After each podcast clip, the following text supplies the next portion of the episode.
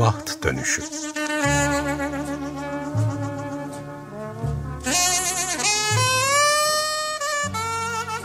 Kısa öykü okumaları ve büyüme biçimleri Hazırlayan ve sunan Ayşe Görür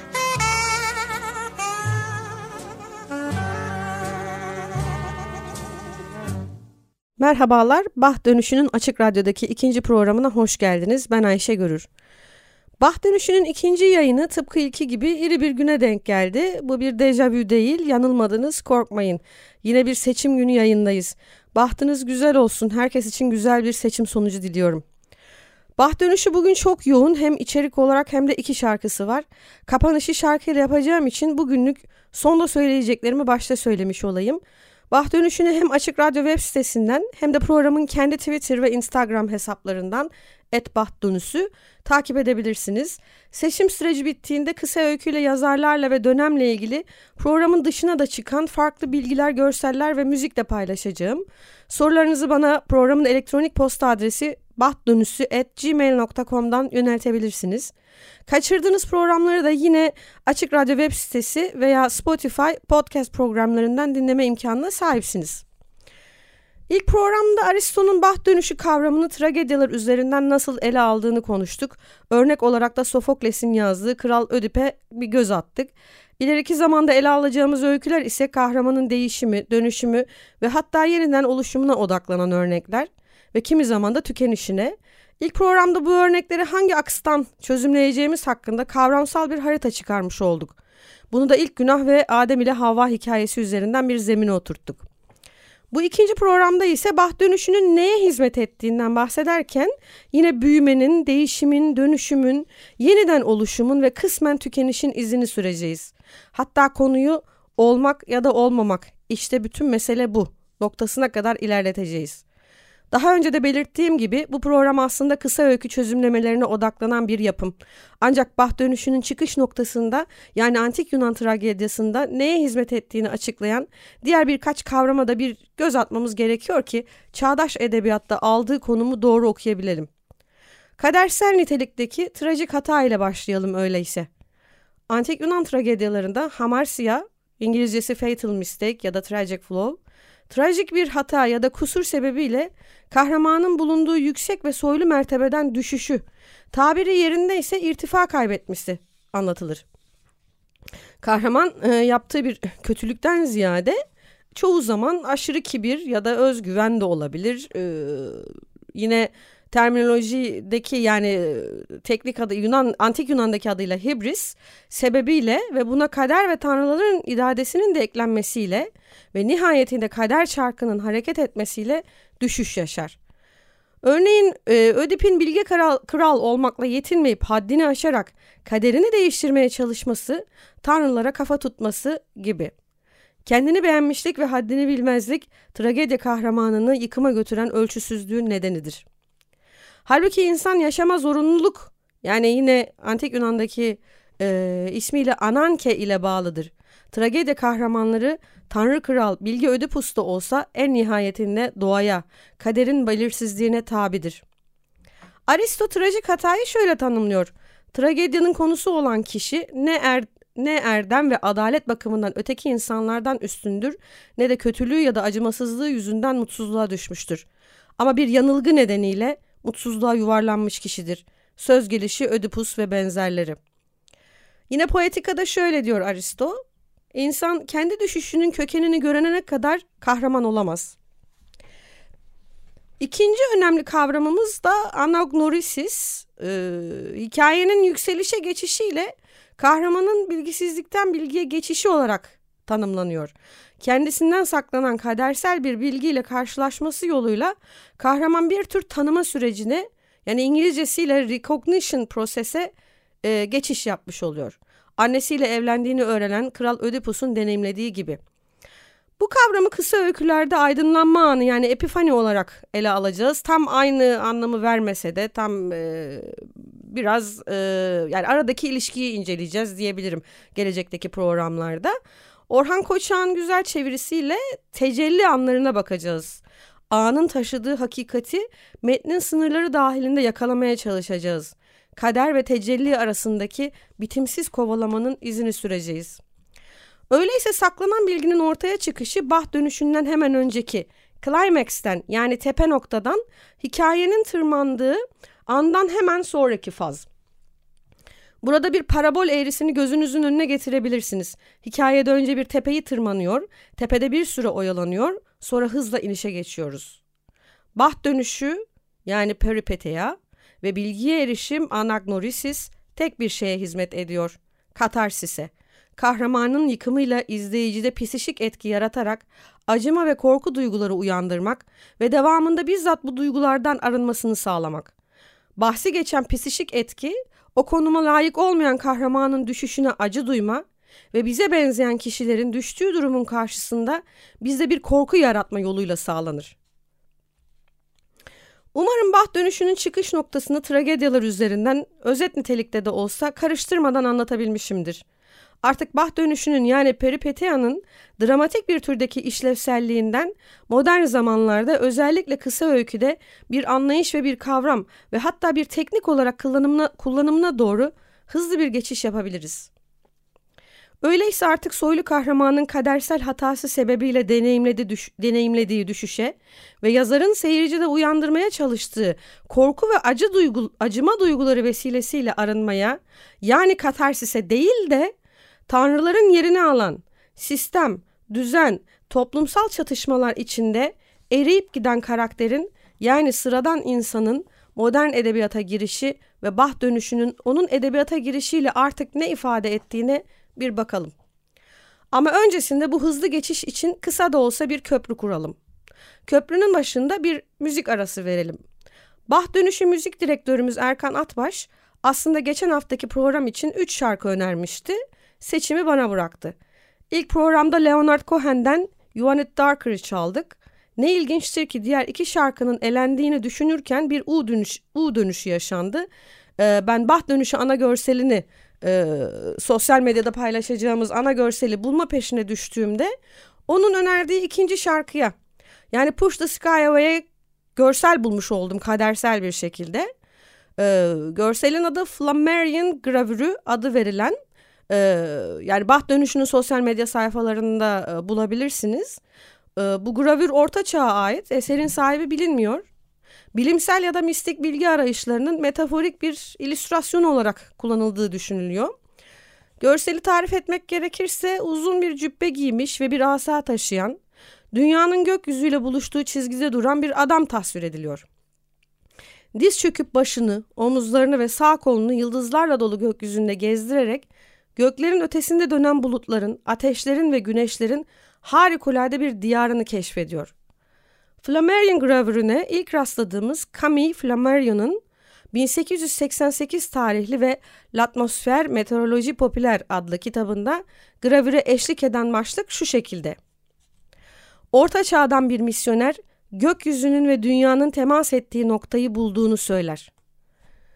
Bugün Bah dönüşünde Nick Cave eşliğinde herkesi gökyüzünü itmeye davet ediyoruz. Push the Sky Away. Orta çağda kayıtsız kalınan poetikaya olan ilgi, tragedi türünü yeniden yaratmak isteğiyle Rönesans'ın başında yoğunluk kazanmaya başlıyor. Ancak Aristo'nun poetikada tanımladığı kuralların içerik veya form olarak tartışmasız kabul edilmesine yönelik itirazlar gelişmeye ve zamanla çözülmeye de başlıyor. Raymond Williams, Modern Tragedya yine adlı, aynı adlı eserinde için genel bir formül öneriyor. Williams'a göre esas trajik deneyim tamir edilemeyen insan kaybı ve içinde bazı Aristotelesçi öğeler de barındırılabilir. Ee, dolayısıyla modern trajediyi sıradan insanların yaşamlarını umut ve arzunun ertelenmesi ve bunların aşınması yoluyla ayrıca trajik toplumsal blokajlar bir nevi ablukalar aracılığıyla deneyimlemelerine dair örneklerdir diye tanımlıyor. Peki günümüzde neye hizmet ediyor bah dönüşü? Didaktik bir öğe değilse yani okuyucuda bir arınmaya hizmet etmiyorsa neye hizmet eden bir teknik? Arınmanın, katarsisin olmadığı, tanrıların iradesinin ve kadersel hatanın yerini toplumsal çelişki ve çatışmaların aldığı bir çağda, büyük yıkımın yerine ucu açık sonların, tekinsizliğin, belirsizliğin aldığı bir çağda ne işe yarıyor baht dönüşü? Ne olduğu belli değil ama eskisi gibi de değil diye ifade etmiştik birinci programda. Çoğu hikayede izini sördüğümüz ucu açık e, sonları kastederek. Haliyle bizler de artık büyük yıkımlardansa nostalji ya da melankoli hatta kişisel yok oluşun pençesinde çırpınan, çırpınan bireyin mini destanını dinliyoruz artık. Üstelik onun adı artık kahraman değil karakter ve dahası soylu da değil. Üstüne üstlük bir de düşüş de yaşamayabilir ve hatta hayata eksiden de başlamış olabilir. Ama hala bilgisizlikten bilgiye geçtiği anlar, aydınlandığı anlar var. Peki ama neden? Peripeteya, modern çağda turning point, bah dönüşü, u dönüşü neye hizmet eder? Belki şöyle bir tanımlama işimize yarar. Fiction yani kurmaca nedir? Tragediden farkı nedir? İsim olarak trajedi ve kurgu arasındaki fark, trajedinin ana karakterin mahvolduğu veya başka bir şekilde bazı trajik kusurların veya karakter zayıflığının aşırı sonuçlarına mazur kaldığı bir drama olması, kurgunun ise gerçeklerden çok ya da didaktik ve öğretici olmaktan öte icat edilmiş yaratıcı edebi türe dahil olmasıdır.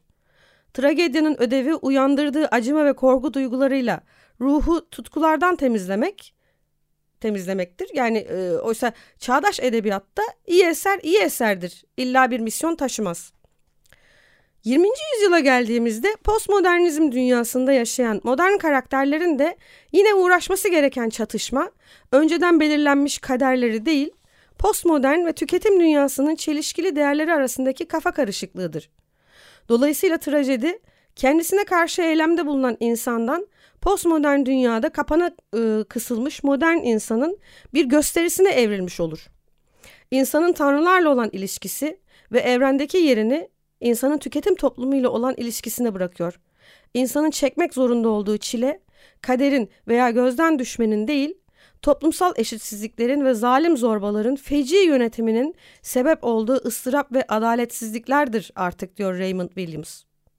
Kahramanın topluca ve alenen yasının tutulduğu klasik trajedinin aksine karakter modern hayatta tanınmadan ve töreni yapılmadan ölüme gidiyor. Modern trajik kahraman soyluların sahip olduğu özelliklere çoğu zaman sahip değil tabii. Modern trajedinin özü karakterin dönüşümünde yatıyor. Biz baht dönüşünde bu dönüşümü bir tür büyüme süreci olarak ele alacağız. Peki ne şekilde ele alacağız? Metnin kurgusuna ya da yazarın tercihine göre anlatıcının, karakterin ve okuyucunun aydınlandığı anlar eş zamanlı olabildiği gibi farklılaşabiliyor. Bazılarında yazar hakim bilgisiyle okuyucuyu şaşırtıyor. Bazılarında okur ve anlatıcı, karakter aynı anda e, aynı sınırlı bilgiye sahip, e, birlikte ilerliyorlar ve aynı anda öğrenip büyümüş oluyorlar. Kiminde de gizemin çözüldüğü, okuyucunun aydınlandığı anlarda karakter çoktan yitip gitmiş oluyor. Bunları sonraki programlarımızda farklı öykülerle karşılaştırmalı edebiyat geleneği çerçevesinde nasıl ele alacağımızı ilk programda detaylandırmıştık. Kaçıranlar Spotify'daki veya e, Açık Radyo'nun web sitesindeki podcastlerden takip edebilir. Önden bilgi vermemiz gerekirse sıradan insanın hikaye girişini Çehov'la, arınma katarsisinin yerini korku ve melankolinin alışını Poe ile kutluyor olacağız bir sonraki görüşmemizde. Bugün kısa öyküye geçmiyoruz. Ancak baht dönüşünün kullanıldığı, bugün değindiğimiz konuları da özetleyen en güzel örneklerden birine kulak verelim. Hamlet, Shakespeare tarafından tam olarak yazılma yılları belli olmayan fakat 1599 ve 1601 yılları aralığında yazıldığı tahmin edilen bir eser. Kısaca çok kısa e, göz atarsak Hamlet'e e, Danimarka Pre Prensi Hamlet kral olan babasının ölümünden sonra bir tür bunalım e, bunalıma girer. Eski kralın ölümü üzerinden daha iki ay geçmeden amcası Claudius annesiyle evlenmiş ve tahta geçmiştir. Bu arada babasının hayaleti ruhsal çöküntü içindeki Hamlet'e görünür ve kendisini öldürenin Claudius olduğunu söyleyerek öcünü almasını ister. Hamlet ise bir türlü harekete geçemez. Örneğin birinde tam fırsat eline geçmişken Claudius dua ettiğini fark et, Claudius'un dua ettiğini fark eder ve bu şekilde ölürse cennete gideceğinden ürkerek eylemini erteler. Bu erteleme Hamlet'in baht dönüşüdür. Hamlet'in tereddütleri Claudius'u bir adım öne taşır. Hamlet zaman zaman hayaletin sözlerinden de şüpheye kapıldığı için eylemini bir türlü gerçekleştiremez. Sonunda kralla birlikte kendisinin sevdiği kadın Ophelia'nın, onun babasının, abisi Laertes'in ve yine kendi annesinin ölümüne sebep olur. Hamlet kendi düşüşünden kendi sorumludur. Kadersel bir hatanın kurbanı değildir. Eyleme geçememiş, kendi düşüşüne ve hatta ölümüne sebebiyet vermiştir. Bu artık gördüğümüz gibi tragedyanın klasik öğelerinin yerli yerinde sıkı sıkıya kullanımından pek bahsedemiyoruz Hamlet'te. O zaman o tereddüt anlarından en meşhuruna, en sevilenine e, ve belki de en bilinenine bir kulak verelim bu tarihi bah dönüşü gününde. Olmak mı ya da olmamak mı? Bütün sorun bu. Düşüncemizin katlanması mı güzel, zalim kaderin yumruklarına, oklarına, yoksa diretip bela denizlerine karşı dur, yeter demesi mi? Ölmek, uyumak sadece. Düşünün ki uyumakla yalnız bitebilir bütün acıları yüreğin, çektiği bütün kahırlar insanoğlunun. Uyumak ama düş görebilirsin uykuda, o kötü. Çünkü o, o ölüm uykularında sıyrıldığımız zaman yaşamak kaygısından ne düşler görebilir insan. Düşünmeli bunu.'' Bu düşüncedir uzun yaşamayı cehennemeden. Kim dayanabilir zamanın kırbacına, zorbanın kahrına, gururunun çiğnenmesine, sevgisinin kepaze edilmesine, kanunların bu kadar yavaş, yüzsüzlüğün bu kadar çabuk yürümesine. Kötülere kul olmasına iyi insanın bir bıçak saplayıp göğsüne kurtulmak varken kim ister bütün bunlara katlanmak, ağır bir hayatın altında inleyip terlemek, ölümden sonraki bir şeyden korkmasa, o kimsenin gidip de dönmediği bilinmez dünya ürkütmese yüreğini. Bilmediğimiz belaları atılmaktansa çektiklerine razı etmese insanı. Bilinç böyle korkak ediyor hepimizi. Düşüncenin soluk ışığı bulandırıyor yürekten gelenin doğal rengini. Ve nice büyük yiğitçe atılışlar yollarını değiştirip bu yüzden bir iş, bir eylem olma gücünü yitiriyorlar.'' Günümüzde hala modern insanın durumunu aynı tutan, en başat, en sevilen karakterlerden biri olan ve kaygı dolu iç monologlarıyla meşhur olan Hamlet, vicdan sorgulamalarına girerek kadere değil, kaygılarına yenik düşüyor. Ophelia'nın yıkımını atlamış olduk. Oraya da bir bakalım isterseniz kısaca. Oyunun başlarında Hamlet'in Ophelia'ya duyduğu aşk, Ophelia'nın babası Polonius ve erkek kardeşi Laertes tarafından gerçek bulunmuyor. Ve Ophelia'yı bu aşkın gerçek olmadığına inandırmaya çabalamakta e, baba ve abi. Onlara göre Hamlet Ophelia'yı kullanacak ve asla onunla evlenmeyecektir. Hamlet yine de mektuplar yazmaya devam eder Ophelia'ya ve aklını çelerek kendine aşık eder. İnanma istersen yıldızların yandığına, güneşin döndüğüne inanma, doğrunun ta kendisini yalan bil ama seni sevdiğime inan Ofelia. Babasına mı yoksa Hamlet'e mi inanmanın doğru olduğunu bilememek Ofelia'yı zamanla yıpratır. Kolayca kurtulamayacağı bir çıkmaza girer. Maalesef ona mektuplar yazıp görüşmek için yanıp tutuşan Hamlet, yukarıda da okuduğumuz bölümün hemen ardından birdenbire Ofelia'yı reddeder.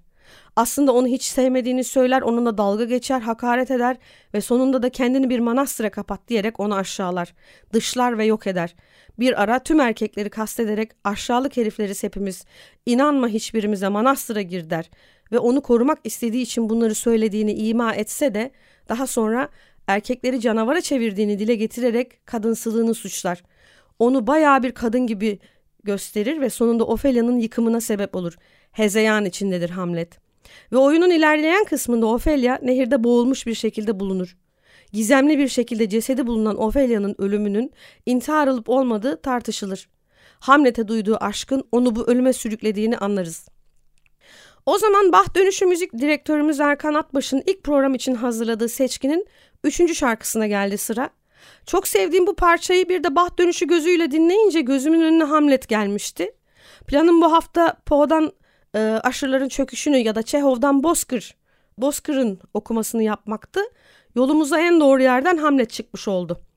Ama Hamlet'ten çok bahsettik. Kendisini atlayarak, Hamlet'in artık kendisini sevmediğini sanarak ve bizzat Hamlet'in oyununa gelerek kendini suya bırakan sevgili Ophelia için kapanış şarkısı olarak Nick Cave'den Weeping Song'u dinliyoruz. Bahtınız da radyonuz da açık olsun.